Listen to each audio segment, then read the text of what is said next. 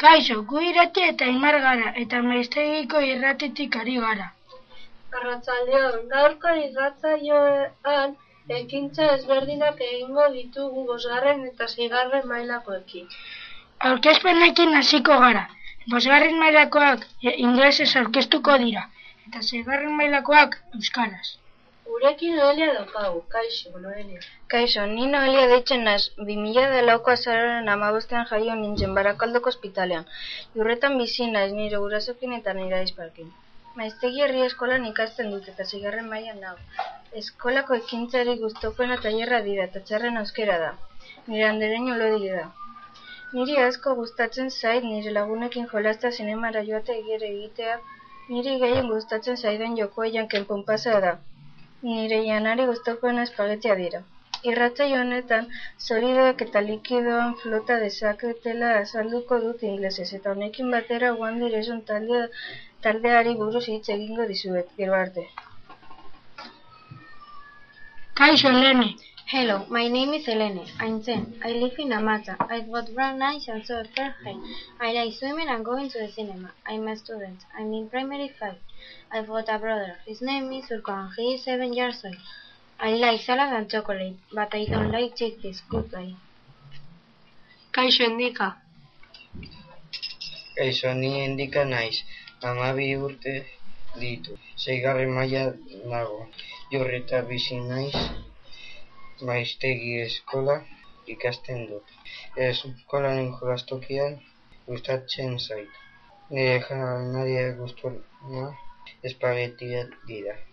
Jorretako futbol taldean defensa munduan jolasten dut. Arratsaldeon, Eñaut. Hello, my name is Enyal. I'm 10. I live in Oromiño. I've got brown eyes and short brown hair. I like playing football and handball. I'm a student. I'm in primary 5.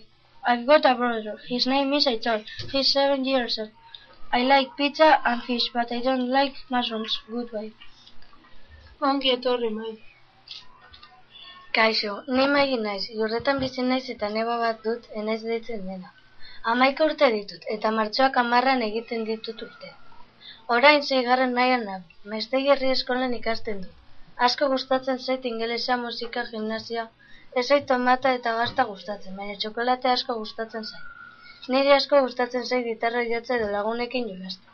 Irrati saio honetan teknologia berriei buruzko erreportajea egingo dut. Agur. Kaixo, Nara. Hello, my name is Enara. I'm 10. I live in Durango. I got blue green eyes and long fair striped hair. I like going to the circle, running, dancing and singing. I'm a student. I'm in primary 5. I haven't got any sister or brother. I like chocolate and chocolate cake. I hate chickpeas. Goodbye. Gurekin ere ainize. Ainize deitzen naiz, amaika urte ditut eta mainarian bizi naiz nire gurasoekin. Eta nire nahiarekin Jon eta Josebarekin. Barakaldoko ospitalean jaio nintzen, 2000 eta laugarren urteko ustaiaren hogeita zeian. Nik maiztegi herri eskolan ikasten dut. Eskolan nire lagunekin jolasten dut. Patioan janken ponpasa polasera jolastea asko gustatzen zait. Nire gustoko, nire gustoko ekintzak hauek dira. Gaztelania, gimnasia, italiarrak eta inglesa. Ez aizki gustatzen musika, matematika, euskera eta ingune. Nire gustoko girola saskibaloia eta igeriketa dira. Eta nire gustoko ibanoriak sopa, espagetiak, makarroiak eta pizza. Ez aizki gustatzen olagarroa, txipiroiak, tomatea eta purea. Irratzaio honetan solidoei likidoan flota dezaketela azalduko dizuet inglesez eta honez gain One Direction ni buruz hitz egingo dizuet. Agur denoi.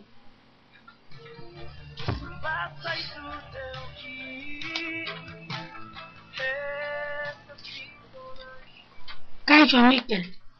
Hello, my name is Mikel. I'm 10. I live in Jurreta. I've got brown eyes and short brown hair. I like running and going to the mountain. I'm a student. I'm in primary. I've got a brother. His name is Asier, and he is five years old. I like Coke and ice cream, but I don't like pills. Goodbye. Arratsaldeon eder. Kaixo eder ditzen naiz. Amabi urte ditut. 2008ko urtaier, urtaierrilaren mazazpian jaio nintzen. Lurretan bizi naiz. Maizterri eskolan ikasten dut, eta gehien gustatzen zaidana heziketa fisikoa da. Patioan lagunekin jolasten dut futbolera eta janken ponpasera jolasten dut lagunekin. Nire zaretasunak futbola eta korriki egitea dira. Nire janariri gustokoena solomilloa eta letxuga dira. Eskola eskampo jurretako taldean jolasten dut, eskolako lagun batzuek. Bertan horrelari moduan jokatzen dut. Grati saioan kiro, kirole lehiaketa bat egingo dut, gero arte. Kaixo, Caroline. Hello, my name is Caroline. I'm 10. I live in Jurreta. I've got brown eyes and long brown curly hair. I like swimming and going to the cinema. I am a student. I'm in primary 5. I got a sister. Her name is Angie. And she's 8 years old. I like, I like salad, but I don't like lentils. Goodbye. Ongi etorri ane. Hello, my name is Anne. I'm 10 years old. I live in Durango. I got green blue eyes and long fair hair. I like triathlon and dancing. I'm a student. I'm a primary 5. I've got a brother. His name is Paul and he is 15 years old. I like chocolate but I hate eggs. Goodbye. Kaixo, Xavier. Hello, my name is Javier. I am 10. I live in Durango. I got green eyes and short black straight hair. I don't wear glasses. I like playing football and swimming, but I don't like going to the jungle. I'm a student. I'm in primary five. I've got one brother that I haven't got any sisters. His name is Una and he's four. I like spaghetti and meat, but I don't like muscle. Goodbye. Zure txanda, irati. Kaixo, ni irati naiz, urretan bizi naiz, neba bat dut horitzen dena, eta zazpi urte ditu. Nik amaika urte ditu, 2008 garren urtean jaio nintzen bildu. Naiztegi herri eskolan ikasten dut, eta zeigarren mailan nabi. Eskolan egiten dugun ekintzari gustokoena eta hilerrak dira, eta gutxien gustatzen zaidana matematika da. Lagun asko ditut adibidez, maili udane, olat barru eta olatoiz nabarreta, Nire gehien gustatzen zaidan janaria, makarroiak eta sopa dira, eta ez zaidana gustatzen kiwia, laranja, brokolia eta bar dira. Irrati saio honetan, aurkezle izatez gain, mailerekin teknologia berriei buruzko erreportai bat egingo dut.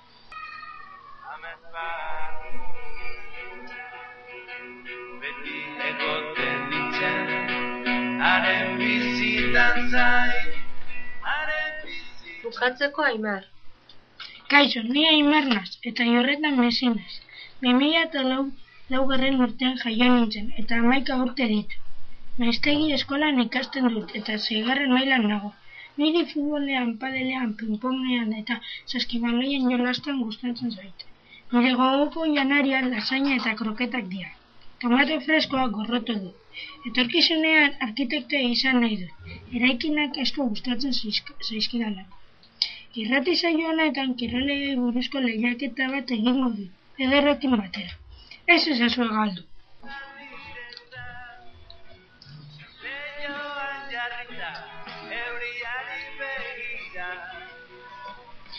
Adi, Ana que tiene la costilla del arco, el trastaburo del arco, segura el día el sangue de Hi there, it's Thursday, the 21st of January, and I'm Anne from my study radio. I got your weather forecast from my study in Uretam. On Friday, it will be very cloudy with light rain. The temperature will reach 17 degrees. The wind will blow from the south and the speed of 10 kilometers per hour. And now Enara with your weekend forecast. Have a lovely day. Good afternoon. I'm Enara with your weekend report. On Saturday, we will have cloudy intervals. The temperature will reach 18 degrees. The wind will blow from the s- south at the speed of 10 kilometers per hour. On, sat- on Sunday, we will have high clouds. Cloud. The temperature will reach 18 degrees. The, the wind will blow from the sound at a speed of 15 kilometers per hour. Good, goodbye and enjoy your weekend. Jarraian iratik eta mailik berriak emango dizkigute. A vegetable garden on the moon. Plan to grow vegetables on lunar base. NASA is going to send vegetable seeds to the moon. These seeds will be in special boxes, so they have air, water, and nutrients. These three elements are very important for plants to grow.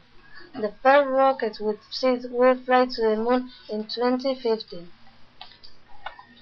2050, the year of the carrot of the moon carrot, astronauts will be planting these seeds on the moon very soon. Some lucky astronauts are going to eat moon vegetables. What's your favorite vegetable? Endikak txiste bat kontatuko digu. Matematika liburua matek bere burua beste egin zuen zegartik problema asko zituelako.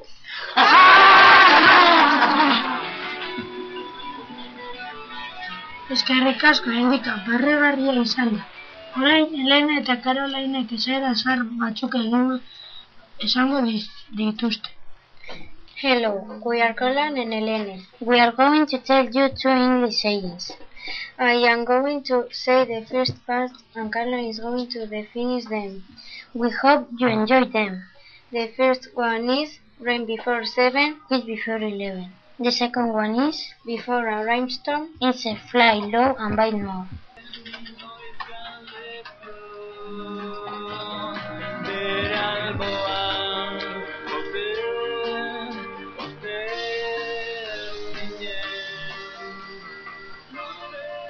Izotzari buruzko kontua. Noelia eta Inisik, aurrera. Did you know a solid can float in liquid? Yes, it is true. Ice float in water. Example, glacier. Ice float on ocean or simply the ice cubes floating in a glass of water or juice. A solid soul only sink in liquid due to its big density. Why solid ice floats in water? Because even soft ice is solid. The density of ice is lesser than water. The solid form of water ice is 9 to 10 percent lesser denser than its liquid form. Irati, zuk asko erabiltzen duzu teknologia? Egunaren arabera, imar, batzutan gutxi eta beste batzutan asko. Teknologiari buruzko reportai bat egin, egin duzue, maiek eta zuk, ezta? Bai. Ea, kontako zue. Gaur egun teknologia asko erabiltzen da eta oso garrantzitsua da gure bizit. Baina zer da teknologia? Teknologia espezie batek tresnak sortu erabili eta ingurunea bere beharretara aldatzeko duen jakintza multzoa da. Teknologia mota asko daude, adibidez, sare sozialak, mezu askarrak, telebistak edo jokuak, Nintendo, PSP, Wii, telefono mugikorra, internet. Urrian, teknologia berrien er- erabilerari buruzko tailer bat egin genuen, eta gauza asko ikasi genituen. Adibidez, ez esan zure pasaitza beste bati, ez onartu ez ezagunak sare sozialetan, ez ezagunek mezuak ez erantzun, ez igo zure argazki pertsonalak internetera eta bar. Orain gauza asko esaten dira teknologiaren erabileran gabe. Adibidez, ezin izango ginera teknologia gabe bizi, edo teknologiarekin lelote egin garela. Zientzialariek alde onak badituela diote. Batzuk aipatzearen informazioa ugari ematen duen baliabidea da. Informazioa nola bilatu praktikatzeko ere balio du, eta teknologia berrien ezagutzen trebatzea ahalbidetzen du. Baina alde txarrak ere baditu. Adibidez, denbora asko erabiltzen dugula, eta azkenean gaixotasunak hartu ditugu. Esate baterako, bertigoa, lo egiteko arazoak edo ez dugula jakingo pertsonekin komunikazio. Ikaslek ere ikasketetan txarrera egin ahal dute, kontzentrazio faltagatik. Kaixo latz, orain galdera batzuk. Zenbat ordu erabiltzen duzu teknologia egunean? Ba, segun eguna. Adibide zapatu batean, Zapatu batean astean zehar baino gutxiago. zer uste duzu ona dela la txarra? Bere kantitatean erabiltzen bada, ba ona, eta bestela ba txarra. E, irugarren galdera, uste duzu urte batzuk barru teknologia hobeagoa izango dela? E, bai, e, gauza, gauza gehiago egingo direla eta txarrera joango dela. E, zergaitik? Ba, gauza askoz gehiago egingo direlako, gauza berriak eta ba, ba jende askoratzeko. Vale. Zu teknologia gabe bizi halko zinen? Nola? Ba, segun ez teknologia mota, adibidez, ba, mobil barik, ba, bai, ba, ez dut iai erabiltzen, baina dauz beste gauzatzuk, que, ba, ez. E, eskerrik asko latz, agur. Orain Laura dugu hemen. Orain lehengo galdera egingo dugu. Zenbat ordu erabiltzen duzu teknologia egunean? Ordu erdi. Zer uste duzu ona dela la txarra? Ona dela. Uste duzu urte batzuk barru teknologia hobeago izango dela? Zergaitik?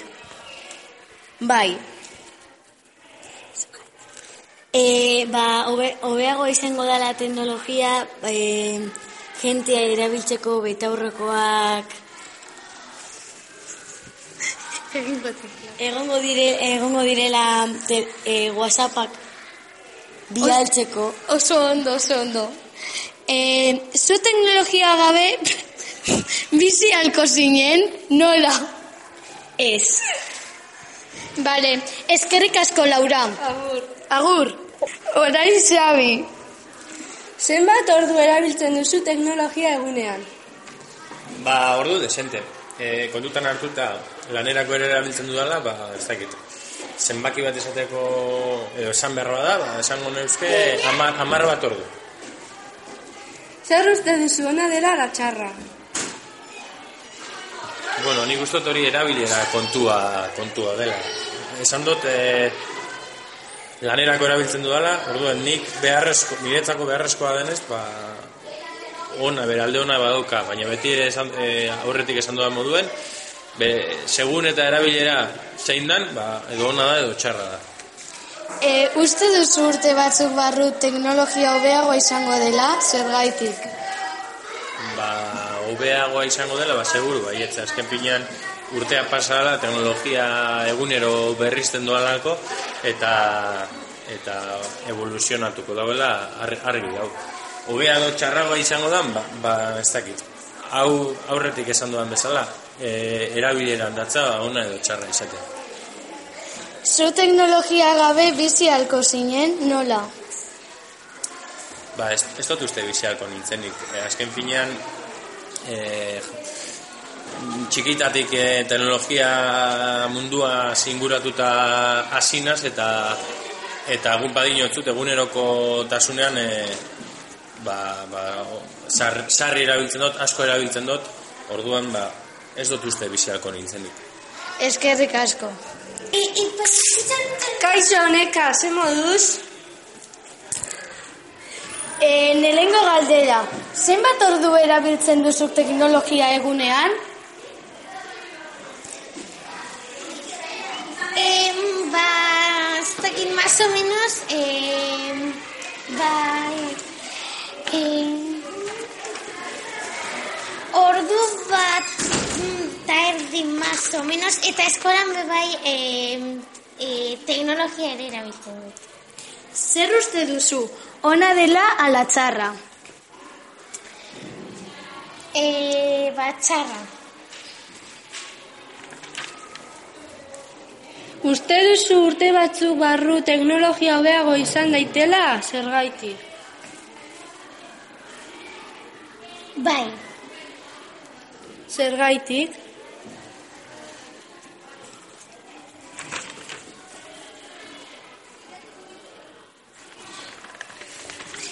Pentsatu duzu?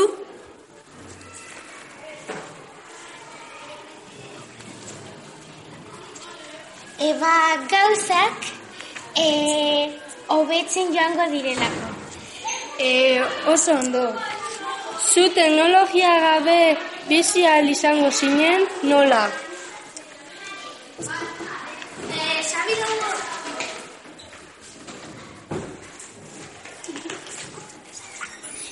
ba, bai, Nola? liburuak irakurtzen. Eskerrik asko, agur. Kaixo enara, zelan? Ondo. Orain galdera. Zenbat ordu erabiltzen duzu teknologia egunean? Ba, ordu erdi baina gutxiago. Zer uste duzu ona dela ala txarra? Txarra. Bueno, gutxi ikusten badozu, ba, bueno, baina asko ikusten badozu txarra. Uste duzu urte batzuk barru teknologia hobeagoa izango dela? Zergaitik? Bai, zeba beti hobetzen du pizkatzu bat. Zu teknologia gabe bizi ahal izango zinen? E, ez, eba, zukaldatzeko eta lako gauzak egiteko erabili egin behar da. Eskerrik asko. Agur. Kaixo, Ane, ze moduz? Ondo. Orain galdera batzuk. Zenbat ordu erabiltzen duzu teknologia egunean? Bat eta erdi? Zer uste duzu ona dela ala txarra? Txarra. Uste duzu urte batzuk barru teknologia hobeagoa izango dela? Zergaitik? Bai, e, hobetu egingo dalako. Zu teknologia gabe bizi ahal izango zinen, nola? Ez, bestela zukaldatu egin ez lako. Eskerrik asko dena gaitik. Agur. Kaixo naroa, ze moduz? Ondo! Orain galdera batzuk, lehengoa. Zenbat ordu erabiltzen duzu teknologia egunean? Amar minitu. E, zer uste duzu ona dela ala txarra? Bueno, segun. Uste duzu urte batzuk barru teknologia hobeagoa izango dela zergaitik? Bai, ze egunero e, zerbait asmatzen dute. Zu teknologia gabe bizi ahal izango zinen? Nola? Ez. Eskerrik asko naroa. Agur. Agur. Hola, Naia, ze moduz? Ondo. Orain lehengo galdera doa. Zenbat ordu erabiltzen duzu teknologia egunean? Amar, amabos, e, minutu. Zer uste duzu ona dela la txarra? Txarra, oso txarra. Uste duzu urte batzuk barru teknologia hobeagoa izango dela zergaitik? Bai, urte bako itzen egin dauzerako gauza gehiago. Zu teknologia gabe bizi ahal izango zinen nola? Bai, metodak ikasten. Agur eta eskerrik asko.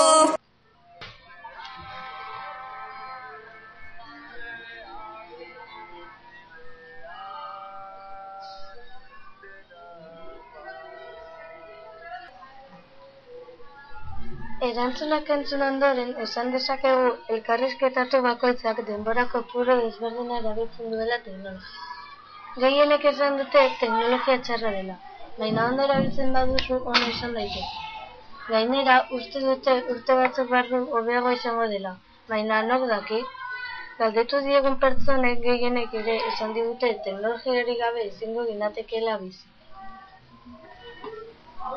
Xabierrek abendua eta urtarrilaren hasierako urtebetetzeen berri emango du. Hello, I'm Xavier and I want to say happy birthday to all those students who have celebrated their birthdays in December.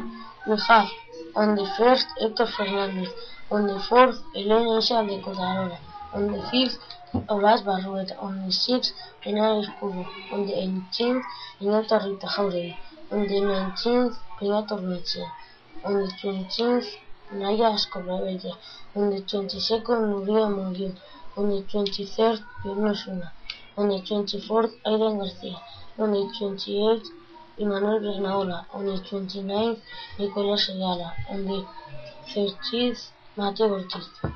And in January up to the 21st we have on the second Mikel Aris, Arrizabalaga and Jovic Bravo. On the seventh Duane Aris Navarreta. On the eighth Uri, Jauregui. On the 12th, Irati Vizcarra y Sharon. On the 14th, Adrián Begoña and Pega the 17th, Niño Tiñarra, Iker Montero. Happy birthday to you. Happy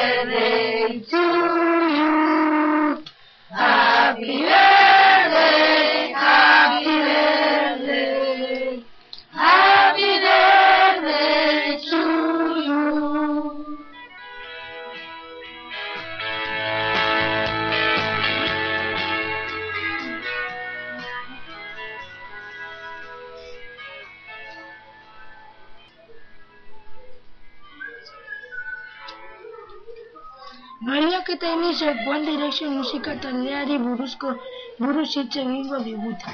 Zuen txanda. One Direction musika taldea 2010ean sortu zen. Hauek dira taldekideak. Harry Styles, Liam Payne, Chris Tomlinson, Zayn Malik eta Niall Horan. Britania handiko X Factor telebista jaiora aurkeztu ziren banaka, baina epaileek horrela ezila berrakargarriak esan ondoren elkartzea erabaki zuten. Haien lehengo albuna 2011ko azaro, azaroaren hogeita batean kaleratu zuten, Apa nahi izeneko diskoa. What Made You Beautiful izan zen mundu osoan erakargarria eta horrela famatu bihurtu ziren. 2015ko maiatzean zen Malkek talde utzi zuen, baina beste jarraitu zuen. Orain Joan Down abesti zati bat entzungo duzue, guri asko gustatzen zaigu.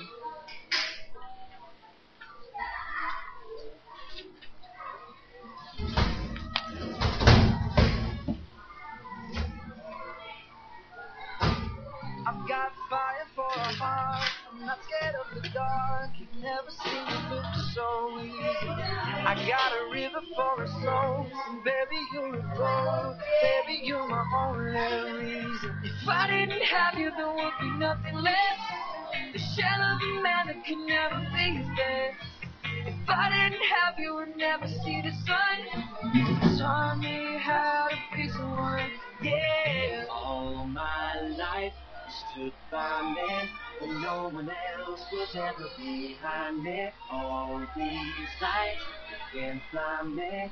With your love, nobody can drag me down. All my life you stood by me when no one else was ever behind me. All these lights you can't blind me. With your love, nobody can drag me down. Nobody, nobody.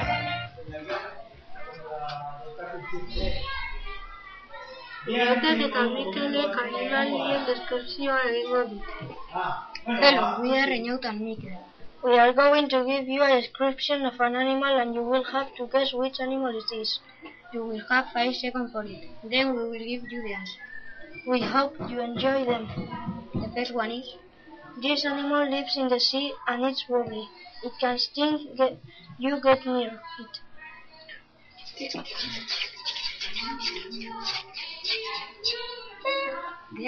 Is a jellyfish. The second one is this animal lives in Australia and it can jump. See? The answer is a kangaroo. Txiste gehiago nahi, bai derrek bi kontatuko dizkigu. Txinadar batek zer esan zion gizon bati. Aizu, kotxe hori berri alda? Bai, alfa bat da.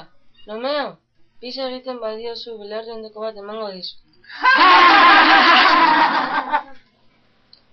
Ume bat arduratuta heltzen da etxera eta amari esaten dio. Ama, ama, eskolan oso despistatuta naizela esan dute. Ez egin kasurik eta egon zaitez lasai, baina barkatu. Ni ez naiz zure ama, auzokoa naiz.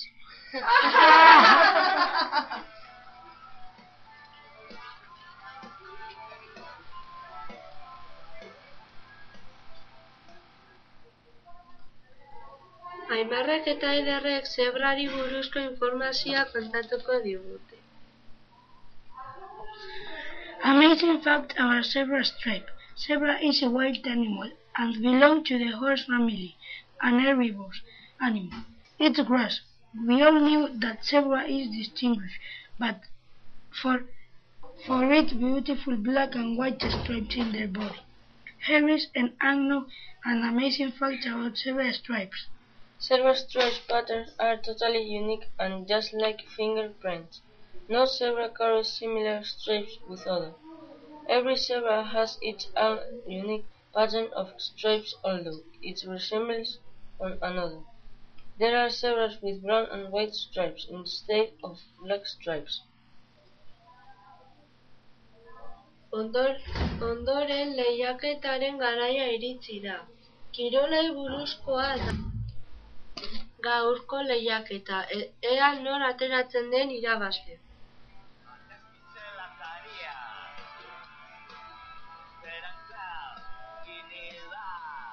Kaixo, hau birolen lehiaketa da. Lehiaketa bikoteka izango da, baina gaur hirukote bat ere badu. Lehiaketak aurkeztuko ditugu. Iker eta Joritz, Aimar eta Inaut, Unai eta Koldo, Aidan eta Eneko, Beñat eta Xavier, Iker eta Markel. Aimar, Mikel eta Beñat. Ongi etorri.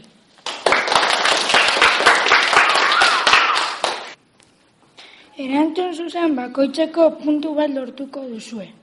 Puntu gehien lortzen dituenak irabazlea izango dira. Sorte hon!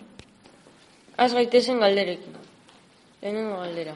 Nork irabazi zuen mila bederatzen da berrogeita mazortzian urrezko baloia? A. Jose Masapust B. Alfredo Di Stefano C. Raymond Kopa Alfredo Di Stefano. Alfredo Di Stefano. Alfredo Di Stefano.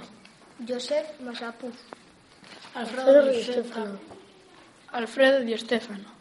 Alfredo Di Stefano. Erantzun zuzena Raymond Kopa da. Bigarren galdera. Nork irabazi ditu MotoGPko mundial gehien? A. Ángel Nieto.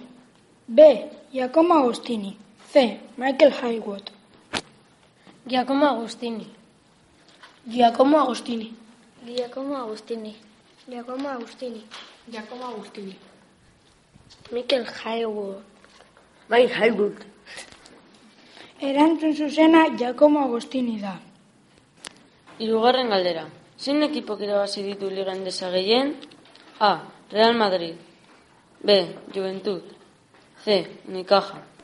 Unicaja. Real Madrid. Real Madrid. Unicaja. Real Madrid. Juventus. Juventus. Erantzun zuzena Real Madrid da. Lau garren galdera. Nork irabazi du waterpoloko mutilen azkenengo liga, prorreko, partizan Belgrado, Estrella Roja Belgrado. Prorreko. Prorreko. Prorreko. Prorreko. Prorreko. Prorreko. Prorreko. Erantzun zuzena prorreko da, oso ondo. Bosgarren galdera. Zein ekipo irabazi ditu Champions Txapelketa gehien? A. Milan. B. Madrid. C. Porto. Porto. Ui. Real Madrid. Milan. Madrid. Madrid. Madrid. Madrid. Madrid. Erantzun zuzena Madrid da. Seigarren galdera. Nork irabazi ditu Formula bateko txapelketa gehien? A. Lewis Hamilton. B. Sebastian Vettel. C. Jackson Button. Sebastian Vettel. Jason Button. Sebastian Vettel. Sebastian Vettel. Sebastian Vettel. Jason Button. Sebastian Vettel. Erantzun zuzena Sebastian Vettel da. Zazpigarren galdera. Nor izan da tornozeloko kopako irabazlea? A. Mikel González. B. Guaitari. C. Ander Atxiari. Ander Raitzari. Ander Raitzari. Mikel González. Mikel González. Ander Raitzari. Ander Antzia. Ander Atxiari. Erantzun zuzena Ander Antxia da. Zortzigarren galdera, nork irabazi zuen sakeko mundiala 2008an? Vladimir Kremanik, Bizguantant Ananat, Mangus Carlsen. Bizguantat Anant. Vladimir Kramnik. Vladimir Kramnik. Magnus Carlens. Vladimir Kramnik. Vladimir Kramnik. Magnus Carlsen. Erantzun zuzena beraz Magnus Carlsen da. Bederatzi garren galdera. Nor izan da, nor izan zen golfeko txapeluna 2003an? A. Dubil Duval, ez David Duval. B. Ben Curtis, C. Nick Faldo. Ben Curtis. David Duval. Nick Faldo. Nick Faldo. Nick Faldo. Ben Curtis. Ben Curtis. Erantzun zuzena Ben Curtis da. Eta azken tamargarren galdera. Nork irabazi du 2008ko mundiala boxeoan? A. Tyson Fury. B. Ruslan Chagavet. C. Denis Lebedev. Tyson Fury. Tyson Fury. Tyson Fury. Ruslan Chava, Chagaev. Ruslan Chagaev. Tyson Fury. Ruslan Chagaev. Erantzun zuzena Tyson Fury da. Markagailuak onela gelatu dira. Ikerrek eta Joritzok zazpi puntu, Aimarrek eta Inautek bost puntu, Unai eta Koldok sei puntu, Aidanek eta Enekok bost puntu, Peñatek eta Xabierrek sei puntu, Ikerrek eta Markelek bost puntu, Aimar, Mikelek eta Beñatek sei puntu. Beraz, gaurkoan, irabazleak, Iker eta Joritz dira. Zorionak bikote. Programa hemen bukatzen da eta urrengo arte.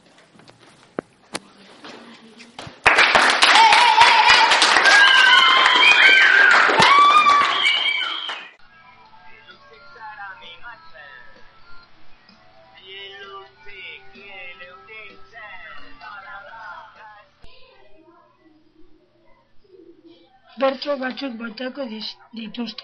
Aurrera.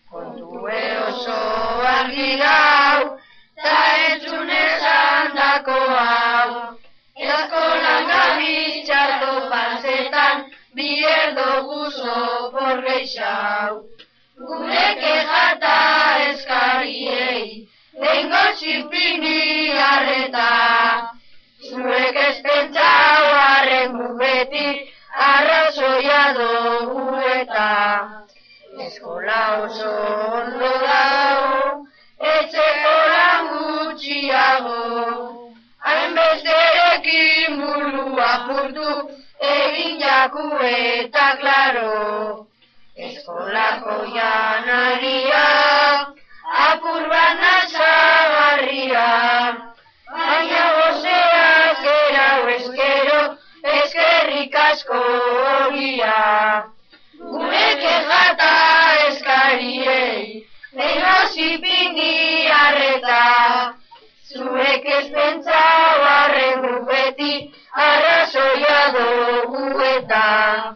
Jadani gago zerreta, argi dago zein galmeta. Berandu atxau eta lobe jau, egin ura dugu eta. Azterketa gaur ere bai, baina egin nahi dugu jai. Urtean zehar arregi dira, ta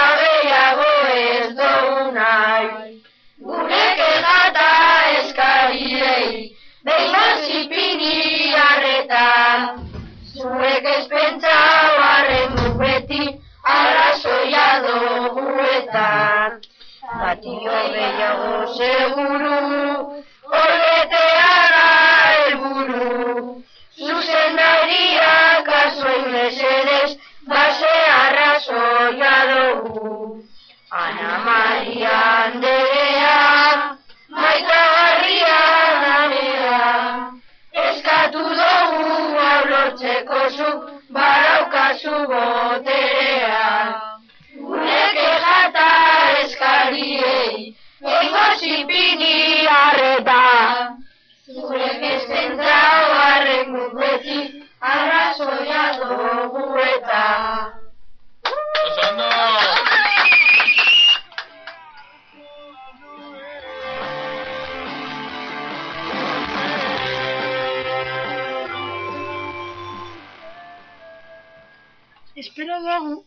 Pasatu dezuela, eta honekin bukatzen dugu.